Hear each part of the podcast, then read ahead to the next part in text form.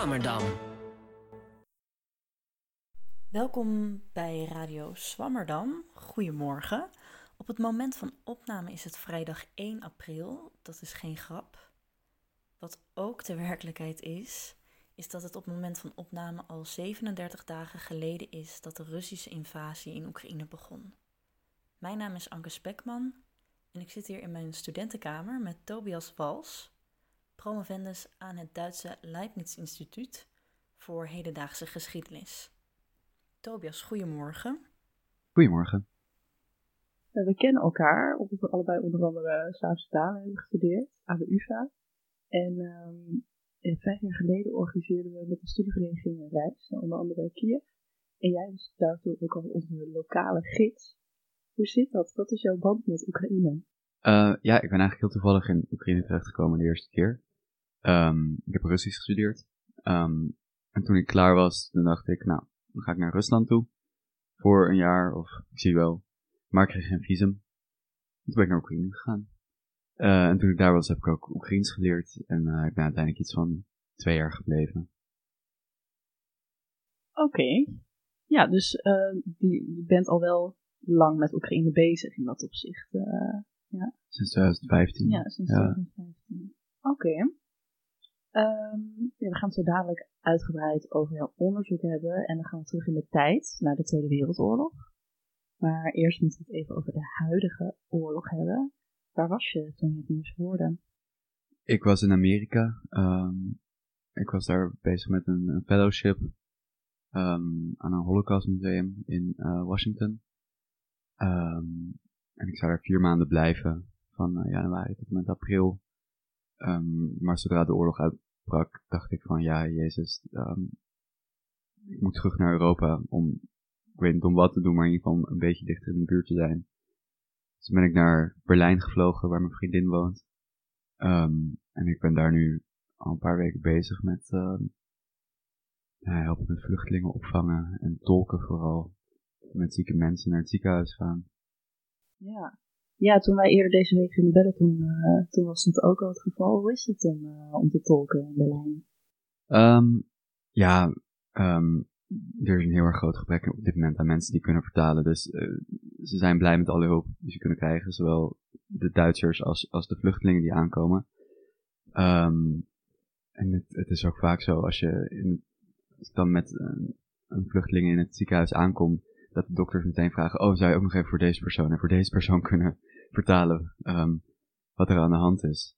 Dus um, aan de ene kant geeft dat wel een soort van voldoening, dat ik wel het idee heb dat ik echt kan helpen. Um, en dat mijn kennis gewoon heel nuttig is op dit moment. en aan de andere kant is het ook heel frustrerend, omdat je gewoon weet dat, je, dat het nooit genoeg is. En dat er heel erg veel mensen voortdurend in onwetendheid en paniek verkeren. Uh, en je kan er, je kan eigenlijk niks voor ze doen. Ja, ja, ik was um, vorige week um, ook, uh, ja, mijn, mijn Russisch is minder goed omdat mijn hoofdtaal Serbisch-Kroatisch was, maar ik heb het Russisch gedaan.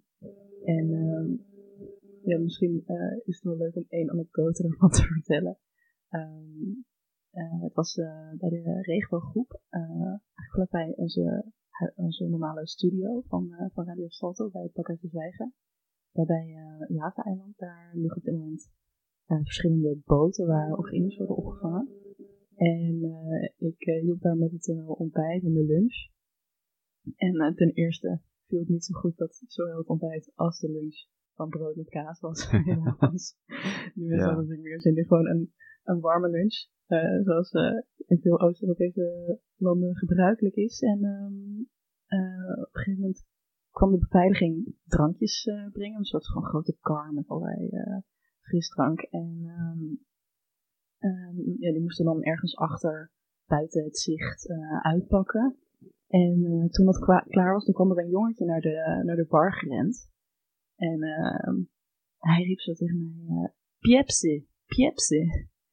En ik snapte het niet, dus ik vroeg gewoon ja, met drie woorden rust van, ja, wat wil je? En hij weer. En ik zie de moeder daar staan, dus ik zeg van, ja, ik begrijp het niet, wat wil, wat wil hij?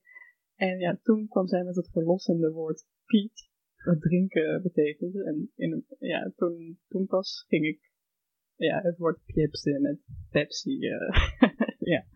Toen, toen pas kwam het, viel het kwartje bij mij. Dus eh, heb jij misschien ook nog wat nieuwe woordenschat opgedaan? Eh woordenschat opgedaan. Ehm, nou, persoonlijk niet. Er is wel een leuke anekdote van een, een vriend van mij uit ehm, Salzburg, die Pools heeft gestudeerd. Bob, je kent hem ook nog van de universiteit. Oh ja, ja. Ehm, en hij, eh, hij is een paar dagen geleden met een bus naar Polen gegaan. Ehm die hebben daar mensen opgehaald aan de grens en meteen naar Salzburg en de omgeving gebracht. Ehm, en Bob, nou, zijn hoofdtaal is dus Pools. En ehm, hij kan ook wel een beetje Russisch, maar op een erg, nou, het klinkt erg Pools, laat ik het zo zeggen. Ja, maar Pools lijkt ook wel veel op het Oekraïens, toch? Ja, Pools lijkt wel veel op het Oekraïens inderdaad. Maar kijk, alle mensen die op dit moment aankomen, ze komen voor het grootste deel uit de grote steden in het oosten van Oekraïne. Die helemaal plat gebombardeerd worden. En het zijn bitter genoeg bijna alleen maar Russisch-taligen. Ja, precies. Dus met ja. elke bom die Poetin op Oekraïne gegooid, maakt het land gek genoeg Oekraïenser. Weet ik, Oekraïnstaliger in ieder geval. Ja, ja. Ehm, Maar goed, die, ehm, er zat een hondje in die bus. En Bob vroeg, eh, hoe heet het hondje? En toen was het antwoord ballonka. Een ballonnetje. En hij had echt, nou ja, het is een, dus een hersenen waren aan het malen van ballonka. Dat is toch geen naam voor een hond? Zo noem je een hond toch niet? En toen stuurde hij me op een gegeven moment, Tobias, kan je in Oekraïne een hond een ballonnetje noemen? toen zei ik, Bob, het is niet ballonka, maar bollonka. En dat is een hondenras. ja. ja, de klemtoon deed ook nog eh, veel hier. Ja. Nou, mooi. Hey, ehm, ik vroeg jou van tevoren al ehm, of je misschien wat Oekraïnse muziektips had. En die had je zeker. Eh, voor we overschakelen naar jouw onderzoek, gaan we luisteren naar Pitanga van Alina Pas. Wil je daar nog iets over toevoegen? Ehm, dat ze uit eh, de Karpaten komt en eh, in haar werk ook veel met, ehm, met ehm, Karpatische volkscultuur werkt. ehm, en ook heel mooie clips erover maakt. Kan ook mensen aanraden om de clips te bekijken. Oké, nou we gaan ook de, de link naar YouTube eh, delen. Bitanka van Alina Pas. Это нечесний хлопець, бітанга.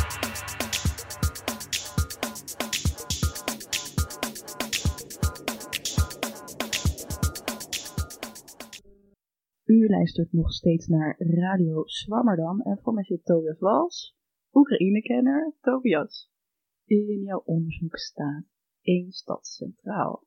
Wat is dat voor stad? Eh, het gaat over Zhytomyr. Ik zeg altijd, het is een beetje het Almelo van Oekraïne. Ehm, het is een, ehm, nou, middelgrote stad ten westen van Kiev. Ongeveer 150 kilometer. Ehm, en voor Oekraïners is het een beetje, ja, de essentie van een, een saaie provinciestad. Ehm, maar goed, er is natuurlijk in de geschiedenis erg veel interessants gebeurd. Ehm, en ik schrijf over eh, wat er in de Tweede Wereldoorlog gebeurd is met de Joodse bevolking van Zhytomyr. Nou, hoe zat het met de bevolking eh, van Zhytomyr voor de Tweede Wereldoorlog? Het was een heel erg Joodse stad. Ehm, rond 1900 was de helft van de bevolking Joods. En ehm, nou ja, vervolgens van de Sovjet-Unie begon urbanisatie. Heel veel Oekraïnse boeren van het platteland trokken naar de stad. Dus toen werd het aandeel iets kleiner, maar in 1941 had- ging het nog steeds om ongeveer een derde van de bevolking. Oké, een derde van de bevolking, bevolking en daarbinnen volgen weer drie groepen mensen. Ja, klopt. Ehm, op het moment dat de Duitsers binnenvallen, dat is 22 juni 1941, ehm, zie je dat die bevolking zich in drie groepen splitst. Ehm, een deel wordt in het leger gemobiliseerd, ehm, een deel staat op de vlucht en een deel blijft achter. Ja, dus drie groepen. Dus soldaten in het leger, mensen die op de vlucht slaan en mensen die achterblijven. Achterblijvers, precies. Ja, en de Duitsers die komen daar aan. En eigenlijk razendsnel, binnen een paar maanden, eh, voltrekt zich daar de holocaust. Wat in de rest van Europa nou, ja, jaren duurde. Van 1933 of in Nederland van 1940 tot het einde van de oorlog.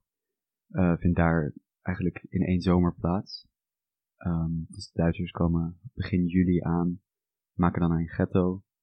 Um, en half september wordt dat ghetto geliquideerd, zoals ze zeiden. Wordt dus de hele overgebleven Joodse bevolking van de stad vrijwel zonder uitzondering vermoord. Ja, dus vrijwel alle mensen die achter zijn gebleven in, in Zitomer, uh, die zijn ook heel snel al vermoord. Ja, dat zijn ongeveer 4000 mensen. En dan zijn er inderdaad een paar, vooral kinderen, um, die het overleven, die uh, nou, de ghetto weten te ontsnappen, of die, um, die überhaupt niet naar de ghetto gaan en zich ergens anders verstoppen. Um, en ook, er zijn ook een paar gevallen bekend van vooral kinderen die, nou ja, die op het punt, sorry, op het punt stonden om doodgeschoten te worden aan de rand van een massagraf. En die zich dan laten vallen en dan um, tot s'avonds laat in het graf liggen, um, tussen de lijken en dan op een gegeven moment als het donker wordt, eruit kruipen. Dus dan ergens in een dorpje verstoppen uh, bij de boeren.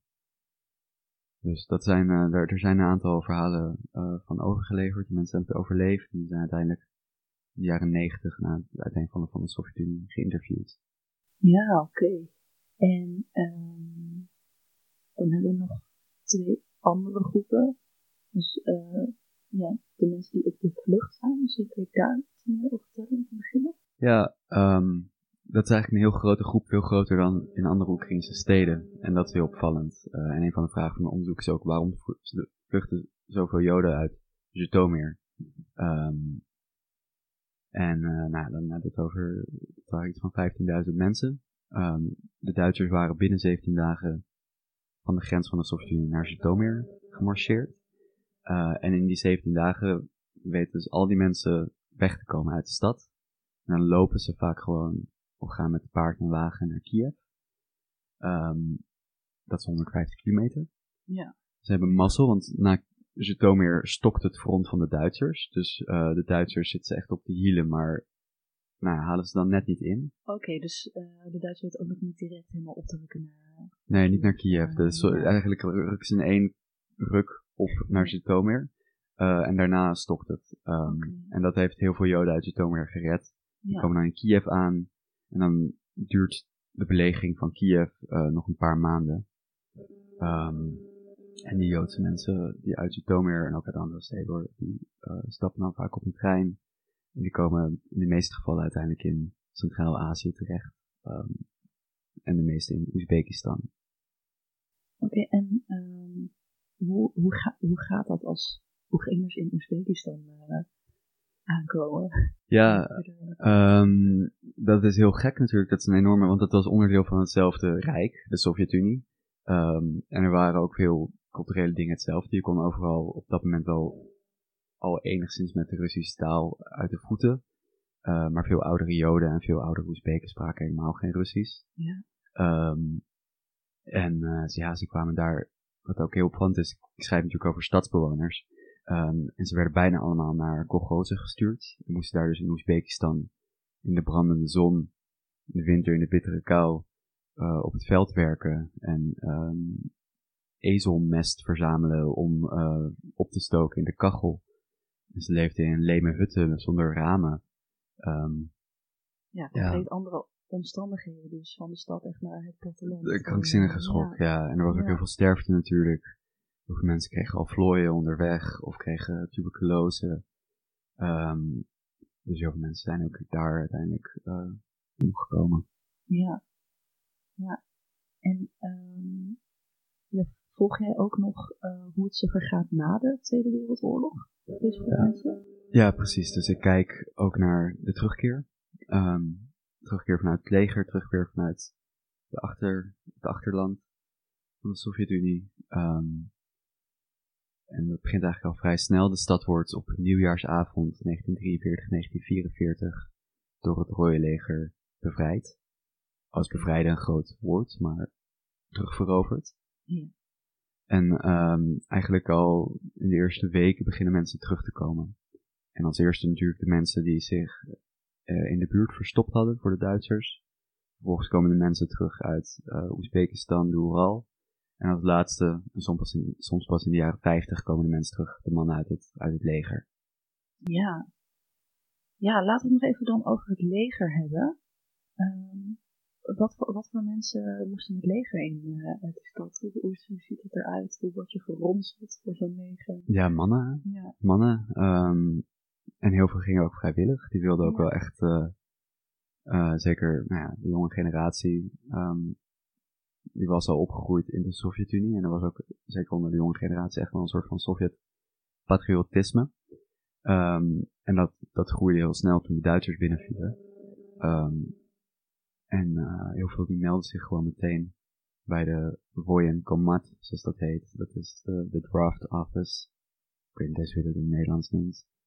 Um, ja, laten we dat even Ja. overslaan.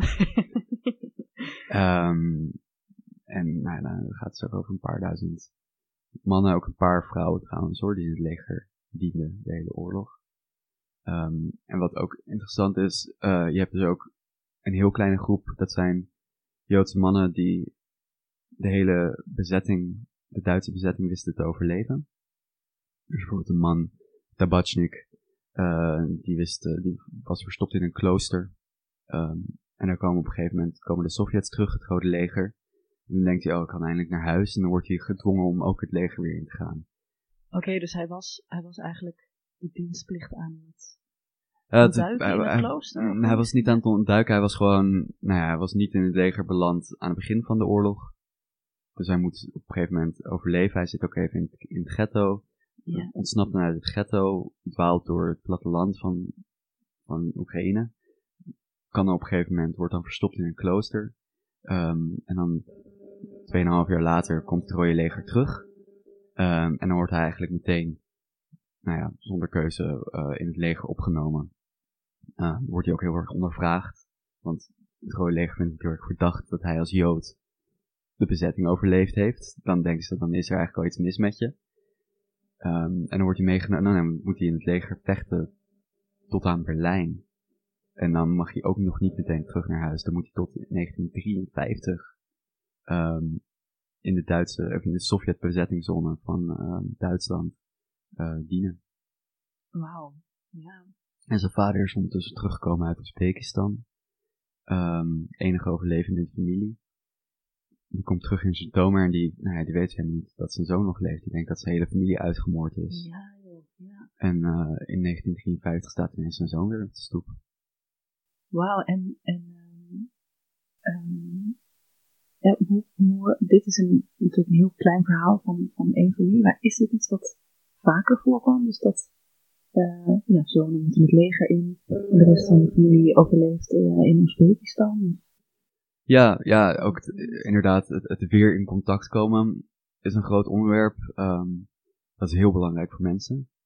Het is ook een reden waarom veel mensen teruggingen naar Zitomer. Um, omdat ze gewoon dachten, als, ik, als mijn familie nog leeft, dan gaan ze ook terug naar de plek waar we ja, vandaan komen. Precies. Ja. Um, dus um, ook al was het leven na de oorlog in Zitomer heel erg zwaar, mensen gingen toch terug. ook in de hoop dat ze weer, nou ja, dat ze hun familie weer zouden tegenkomen. Ja. het is ook heel interessant om, om brieven te lezen. het Sovjet-postsysteem functioneerde heel traag, maar brieven kwamen wel over het algemeen wel aan op een gegeven moment. Um, en mensen zijn dus in die brieven ook de hele tijd aan het schrijven van ja, weet je al waar die is, weet je waar die andere is, ik heb al weken niks gehoord. Um, dat, dat hield mensen volledig, uh, volledig bezig. Ja, ja. Ja, je hebt net al even kort genoemd um, uh, dat je brieven hebt gelezen en uh, ook dat er uh, dus, ja, sinds de jaren negentig eigenlijk ook interviews zijn gedaan. Wat voor, wat voor bronnen gebruik je allemaal voor je onderzoek? Ja, het valt in twee delen uit, uiteen. Uh, ene zijn ego-documenten, zoals dat heet. Dus dat zijn interviews, uh, waarvan de meeste in de jaren 90, in begin jaren 0 zijn opgenomen. Um, daar kan ik uit putten, dat is heel fijn. Dat, dat zijn iets van 40 interviews of zo, fantastisch materiaal. Um, en dan heb je ook brieven, memoires. Niet zoveel memoires, omdat het eigenlijk nou ja, of die zijn heel erg Sovjet, of, um, of ze werden niet geschreven in de Sovjet-tijd. Misschien, wat is, wat is heel erg Sovjet? Ja, weet je, het, het, kijk, de Sovjet-Unie had helemaal zijn heldenmythe gecreëerd rond de Tweede Wereldoorlog. Hè? De grote Vaderlandse oorlog, zoals Ja. dat heette. Um, waarin er alleen maar ruimte was voor heldhaftige strijders in het Rode Leger. En eigenlijk helemaal ge- geen aandacht voor, nou ja, de niet eh, militaire ervaring. Niet de ervaring van gewone burgers. Ook zeker niet de ervaring van vrouwen. En ook niet van Joden. eh, omdat Joden vanwege, nou ja, vanwege de holocaust ehm, een beetje in een verdomhoekje terechtkwamen, gek genoeg in de Sovjet-Unie. Ehm, omdat hun verhaal niet paste in dat grote, die grote heldenmythe, eh, werden ze uit de geschiedenis geschreven. Maar goed, ehm, over bronnen nog even, denk ik. ja, dat is goed. Ja. Ehm ego-documenten dus aan de ene kant, aan de andere kant eh, archiefdocumenten. Ehm, ik werk bijvoorbeeld heel veel met eh, interviews van de NKVD, de Sovjet-geheime dienst, ehm, die na de oorlog eh, op jacht ging naar mensen die met de Duitsers hadden samengewerkt. En dan heb je eindeloze, eindeloze verhoren die allemaal overgeschreven zijn soms overgetypt. Dat is natuurlijk heel lastig materiaal, want ik bedoel, die mensen werden gemarteld en ehm, nou ja, uitspraken werden eigenlijk gewoon afgedwongen. Ja. Maar af en toe kan je toch wel een interessant beeld eruit vormen. Hey, En zo'n ehm, eh, archief van een geheime dienst, eh, is dat zomaar beschikbaar? Ja, dat is heel mooi in Oekraïne. Ehm, na de Euromaidan-revolutie in eh, 2014 hebben ze ehm, alle Oekraïnse archieven volledig opengegooid. En dus ook van de geheime dienst. Oh, heel mooi, ja. Ja, ehm, en dat is voor, voor onderzoekers, voor historici echt een fantastische bron van materiaal. Ehm, dus ik heb gewoon contact, ik heb ook echt wel WhatsApp-contact met het hoofd van het eh, geheime dienstarchief in Zhytomyr. Oh ja, ja, die kan je gewoon Eh, appen. ja, mevrouw Olena. Ehm, ze stuurt me ook af en toe foto's van bloemen en zo. Eh, ja. Ja. ja, en ik, ehm, ik, ik, nou, ik heb afgelopen zomer een paar weken daar gezeten. En toen heb ik eh, dagenlang met haar in een kamertje gezeten. eh, en van die verhoren gescand. ja. En, ehm, en eh, als ik af, af en toe heb ik nog wat nodig, en dan doet ze dat voor mij. Ehm, dus ja, dat- en dat zit, ja, en wat nu een beetje problematisch is, in, in Chernihiv, dat is een stad in het noorden van Oekraïne, vlakbij de Russische grens, die wordt al een maand lang belegerd door de Russen. Eh, en daar is het geheime dienstarchief afgebrand, eh, vorige week. Oh, Ehm, en dat is waarschijnlijk omdat het vaak in hetzelfde gebouw zit als de geheime dienst zelf. Eh, en de geheime dienst is natuurlijk een van de voornaamste doelwitten van de Russen. Ja. Ehm, dus het hele gebouw is uitgebrand. En ik weet ook niet, het is nog onduidelijk wat er met het archief gebeurd is. Ehm, maar ik hou natuurlijk mijn hart vast. Het zou ook heel goed in zomer kunnen gebeuren. Ja, ja. Nou. Poeh, ja, heeft dat dan... ehm, ehm, je hebt dus al wel heel veel bronnen kunnen verzamelen. Eh, maar stond er nog op de planning dat je terug zou gaan ook eh, voor je onderzoek? Ja, ik heb nog een hele lijst met dingen die ik nodig heb. Ehm ik kan in principe wel zonder. Het belangrijkste materiaal heb ik. Ehm, maar het is inderdaad wel een probleem voor onderzoek, ja. Ja, ja. Nou, eh, laten we hopen dat uh, Cito weer niet te veel. eh, in ieder geval het, dat het archief van de geheime dienst nog even beschermd blijft. Ja. Voor je onderzoek zou dat, dat wel heel fijn zijn. Ehm, ehm, en dit was het onderzoek waarin je kijkt naar één stad en naar verschillende groepen in de stad. Dus het over de achterblijvers, de mensen die op de vlucht slaan en de, soldaten. Ehm, dit type onderzoek, wordt dat, wordt dat vaker gedaan? Ja, je hebt sinds ehm 20 jaar ongeveer is het in holocaustonderzoek, ehm nou, ik wil zeggen modieus, maar is het vrij gangbaar om zogeheten microgeschiedenissen te schrijven. Microhistory. Uh, dus dan neem je één plek, ehm één stad of een dorpje, uh, en kijk je heel erg, ga je heel erg de diepte in en kijk je hoe uh, sociale relaties zich ontwikkelden tussen verschillende groepen, tussen verschillende mensen. En kluis je helemaal uit wat daar gebeurd is um, tijdens de bezetting, uh, tijdens de oorlog. Um, dus daar zijn er steeds meer van. Vooral voor Polen, West-Europa, maar nu ook voor uh, Oekraïnse steden en dorpen. En uh, ook Belarus, het Baltisch gebied. Um, wat mijn onderzoek een beetje anders maakt, vind ik zelf mijn, mijn selling point, Dus dat ik niet alleen kijk naar wat er in het stadje zelf gebeurd is, ehm, maar ook de, de bevolking, in ieder geval de Joodse bevolking van de stad, uh, volgt, terwijl ze zich over eigenlijk het hele Eurasiatische continent verspreiden tijdens de oorlog en ook weer terugkomen. Ja, dus we hadden het net ook al over uh, uh, ja, iemand in het leger die helemaal naar Berlijn was gegaan en pas uh, in 53 terugkwam. Ja. En ook dus de mensen die naar Oezbekistan onder andere gingen. Dus jij volgt die groepen ook.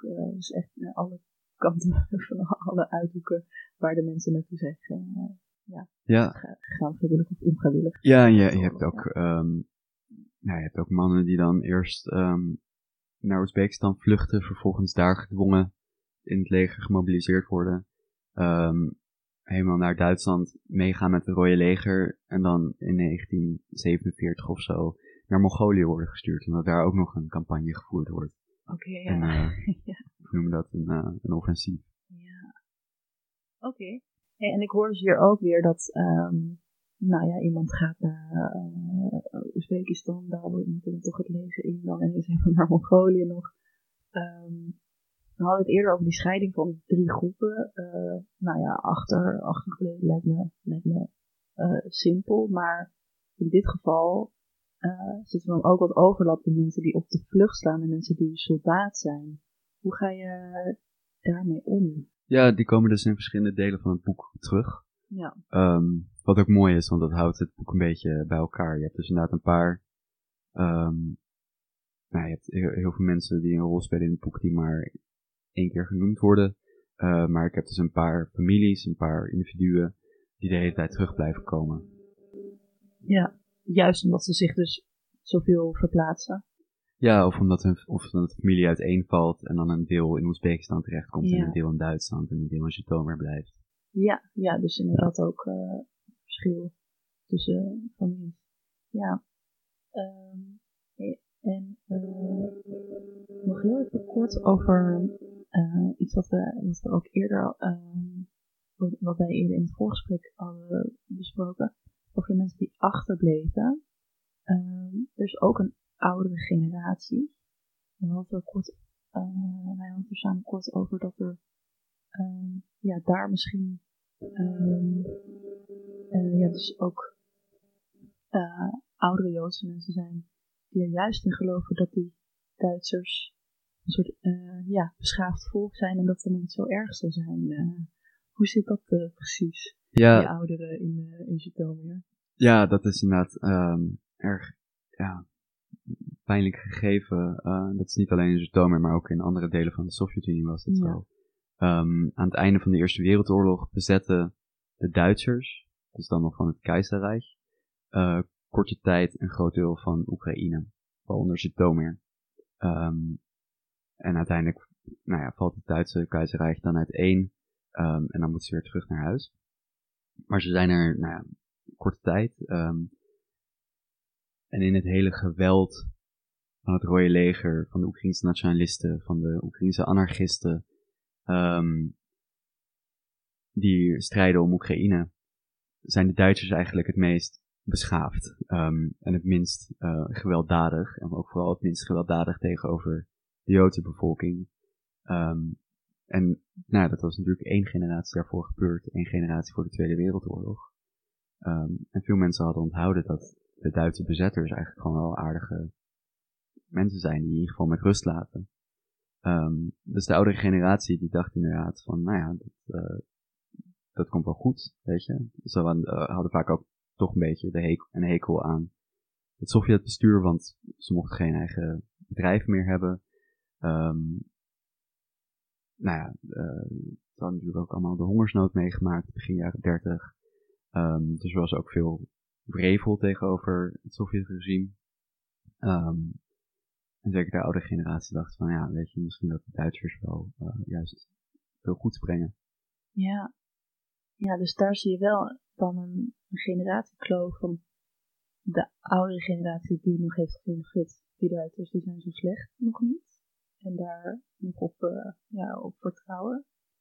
En tegelijkertijd was er ook wel dus een jongere groep die ja, eigenlijk vrijwillig zich ook aanmelden voor het leger. Die dus misschien wel in een soort Sovjet-ideaal. Ja, zeker. Ja. ja, de jonge generatie was inderdaad veel meer al beïnvloed door ehm, het Sovjet-onderwijs en door de Sovjet-propaganda.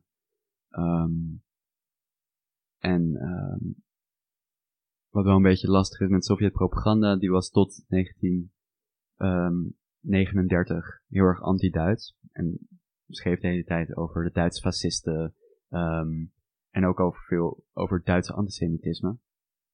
1939 sluiten Hitler en Stalin hun pact om Polen binnen te vallen. Ehm, en vanaf dat moment zwijgt de Sovjetpers volledig over Duitsland. En wordt er geen, woord, geen kwaad woord meer over Duitsland gesproken. Ja, dus van de een op de andere dag. is het gewoon helemaal voorbij. Ja, dus in principe is er ook wel vanuit de Sovjet-propaganda een soort van idee over wat Hitler is en wat uh, fascisme is, nazisme. Um, maar de twee jaar voorafgaand aan de Duitse inval van de Sovjet-Unie wordt er dus echt geen woord over gesproken. Oh, bijzonder, ja, inderdaad. Dat het toch zo'n switch is geweest. Ja, oké. Okay. Um, dan gaan we nu even luisteren naar de column. En die is uh, vandaag geschreven door Sebbe Pol. Terwijl president Zelensky de Tweede Kamer toespreekt, zing ik Moondance van Van Morrison in de keuken. Ik werd wakker met dat liedje in mijn hoofd en probeer nu op de tekst te komen. It's a marvelous night for a moondance. En dan, en dan. Ik kom er niet op. Ik smeer bosbessenjam op mijn geroosterd brood en loop naar mijn kamer om te ontbijten. Aan tafel zoek ik Moondance op in Spotify en koppel mijn telefoon aan mijn Bluetooth-box. Ik bedenk me en open toch de livestream van de NOS. Zelensky spreekt me toe op mijn kamer. Hij roept op tot strengere sancties en vraagt om wapens. Hij verwijst naar de Nederlandse geschiedenis. De Tweede Wereldoorlog, MH17 en de verdrijving van de Spanjaarden uit Den Briel, 450 jaar geleden. Dat wist ik niet eens dat Nederland de tirannie verdreef, morgen, precies 450 jaar geleden. Heb ik dat geleerd op school? Ben ik dat vergeten? Hoe weet Zelensky dat nou weer? Ja, hij heeft het opgezocht, natuurlijk, of zijn team. En hij kan zijn toespraak doen omdat hij hem voorleest van de autocue. Zouden wij in de toekomst allemaal een autocue op onze Google Glasses hebben? Dan kan je altijd meezingen met Van Morrison. Shit, ik ben afgeleid. Waarom raak ik altijd afgeleid? Ik wil een verantwoordelijke, goed geïnformeerde burger zijn. Mijn huisgenoot gaat naar Berlijn om te protesteren voor meer wapens. In haar Instagram-verhaal staat een foto waarop ze een kartonnen bord vasthoudt. Offering humanitarian aid to war victims is like offering coffee to someone who's being robbed on the street. En ik vraag me af of die vergelijking klopt probeer beide situaties voor me te zien. Ja, het, het zou in ieder geval gek zijn om het slachtoffer van een straatroof koffie aan te bieden, terwijl die roof nog aan de gang is. Dat is best een absurd beeld. Maar ja, humanitaire hulp bieden aan oorlogsslachtoffers, is dat absurd? Nee, dat valt mee. En. Ah! Waarom ben ik zo genuanceerd? Daar, daar gaat het toch niet over? Mijn huisgenoot wil gewoon dat er wapens naar Oekraïne gaan. Simpel. Een andere vriend van me zei dat hij, als het zover komt, bereid is naar het front te gaan. Om Europa tegen de Russen te verdedigen. En ook de uiterste consequentie daarvan te willen aanvaarden. Hij wil zijn verantwoordelijkheid nemen. Ik vond dat hij daar te gemakkelijk over dacht. Kan je die uiterste consequentie echt overzien? Hm, ik vraag me af of de uiterste consequentie ook de grootste verantwoordelijkheid betekent. Wat verdedig je met een anonieme dood in een Oekraïense loopgraaf? Op Instagram zie ik hoe een klasgenootje van de basisschool nu in het leger gaat. In de comments plaatsen mensen klap-emojis, praise-emojis en spierbal-emojis. En als mensen letters gebruiken, dan schrijven ze voornamelijk drie dingen: soldier, strijder, of in hoofdletters soldaat. Een paar dagen later plaatst hij een video in zijn story waar hij in slow motion een kogel uit een automatisch geweer schiet. En ik schrik als de kogel uit de loop komt. Dat ging best wel gemakkelijk. Ik zou nooit naar het front gaan, zeg ik tegen mijn vriend. Ik denk dat ik beter op een andere manier mijn verantwoordelijkheid kan nemen. En de volgende dag pak ik met mijn huisgenoten oude kleren, potten en pannen in voor Oekraïne. Eh, Dit was nog voordat mijn huisgenoot zich realiseerde dat wat we eigenlijk aan het doen waren hetzelfde was als een aanhangwagen vol koffie naar Oekraïne brengen. En het Instagram-account van de basisschoolsoldaat bestaat niet meer. Mijn huisgenoot is morgen terug in Utrecht. En ik stond gisteravond in een kroeg met mijn vriend die naar het front toe wil. Ik riep over de harde muziek in zijn oor. Ik denk dat ik beter mijn verantwoordelijkheid kan pakken als schrijver. Ik denk dat ik dan meer van waarde kan zijn. Dan klinken de laatste woorden van Zelensky's toespraak door mijn kamer. Met onze kracht, met onze mensen, onze kunde om vrijheid te beschermen. Leven Oekraïne. Wat is mijn kracht? Wat is mijn kunde? Hoe pak ik mijn verantwoordelijkheid als ik niet eens de tweede regel van Moondance kan onthouden? Dankjewel, Sebbe, voor je column. Ehm, ja, we- Sebbe zei het ook even dat dus eh, ja, vandaag dan gisteren Zelensky in, het, eh, in de Tweede Kamer heeft uh, gespeecht. Heb jij het uh, gezien? Nee, nee ik, heb nog, ik ga nog even terugkijken. Oké, Ehm, ja. ja. Hey, en ehm, ehm, hoe, hoe zit het met de bevolking in, Zito- in Zhytomyr nu op dit moment? Hoe, hoe, ziet de, hoe ziet de oorlog er nu uit? Ehm, de stad wordt niet belegerd. Ehm, er zijn wel regelmatig raketaanvallen. Ook omdat er ehm, nou, veel militaire objecten in de stad zijn. Ehm, maar de Russische raketten zijn niet erg precies. Dus die landen ook in scholen en ziekenhuizen. En heel veel mensen zijn op vlucht, op de vlucht geslagen. Dus ik weet, niet, ik weet niet hoeveel inmiddels, maar eh, ik weet ook van mensen die ik geïnterviewd heb voor mijn onderzoek. Die, ehm, nou, die in 1941 als kleine kinderen naar Oezbekistan gevlucht zijn. Ehm, en die nu, nu dus in een, ergens in de tachtig zijn en opnieuw op de vlucht moeten. Ehm, maar dan precies de andere kant uit. Ja, dezelfde mensen moeten alweer op de vlucht zijn. Ja. Ja, en eh, heb je nog wat gehoord van de mevrouw van het archief? Ja, de vrouw van het archief. Ik, ik heb haar aangeboden. ehm, er zijn een paar Amerikaanse IT'ers die bezig zijn om ehm Oekraïnse archieven ehm, te redden en Ja. ander cultureel erfgoed. Ja. Door te digitaliseren en door alles wat gedigitaliseerd is naar servers in het buitenland over te hevelen. Dus ik heb haar aangeboden om daarmee te helpen, maar ze zei dat het in orde was. En dat ze, dat ze geen hulp daarbij voor nodig heeft. Oké. En, ehm, nou ja, en, en ik heb ook al contact met een paar historici in. Ik probeer ze ook. Ik heb ook aangeboden ze te helpen met het vinden van beurzen in het buitenland. Zodat ze met hun families dan ergens, nou, in Ja. München bijvoorbeeld, ehm, in ieder geval een jaar kunnen blijven. Ehm, maar die zeiden allemaal van nou, we komen wel op bezoek na de overwinning. Oké, na de Dus, overwinning. Ja, voor mensen die, die, die weigeren ook gewoon weg te gaan. En, ehm, Ja. En, en hoe komt dat, denk je? Zijn mensen zo erg ervan overtuigd dat het ook snel weer over zal zijn? Of? Ja, ik geloof wel dat heel veel Oekraïners erg geloven in de overwinning. Ja. Ehm, kijk, de Oekraïnse, het Oekraïnse legerbericht ehm, niet over eigen gevallen, en niet over eigen schade. En dat snap ik ook. Ik bedoel, je moet een soort van, je moet een positiever beeld creëren Ja. ehm, om te zorgen dat de bevolking een beetje erin blijft geloven ja, en dat het moreel, ja, houden. ja. Ehm, en ik denk ook wel dat op zich, ik bedoel, het is natuurlijk krankzinnig hoe, hoe goed de Oekraïners zich proberen tegen de Russen met, met zo'n gigantische overmacht. En dat de Russen eigenlijk volledig vastgelopen zijn in hun offensief. Het is ongelooflijk. Ehm, maar ik denk niet dat de overwinning heel erg dichtbij is, vrees ik. Ja. Ja, en um, we hadden het er uh, voor de column ook wel even kort over.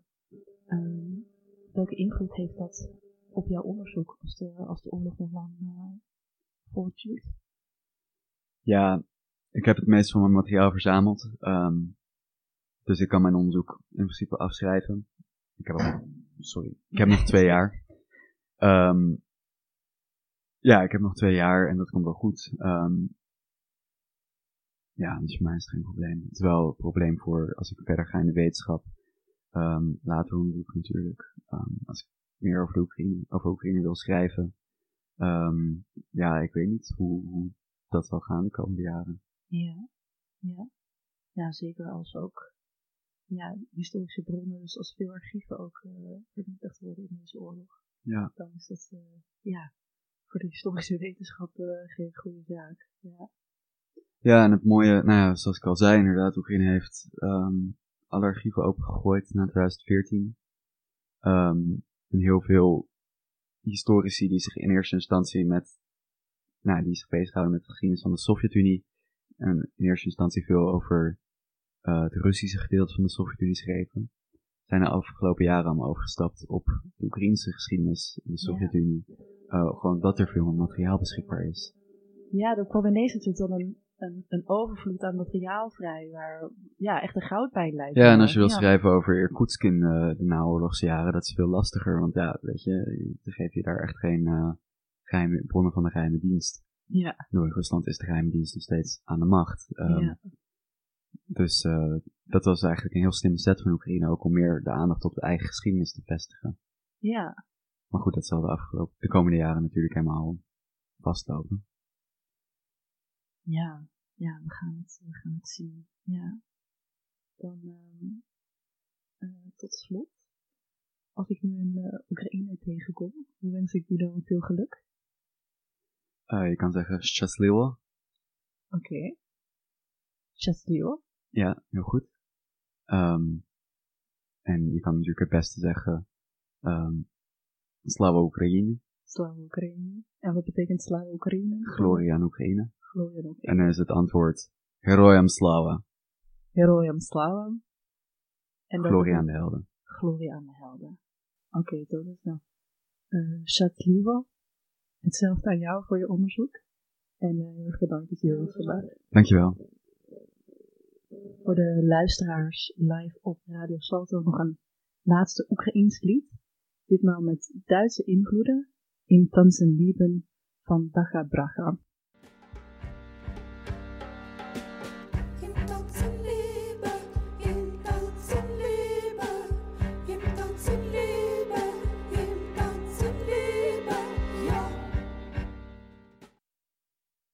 Hiermee zijn we aan het eind gekomen van deze uitzending van Radio Zwammerdam over Oekraïne.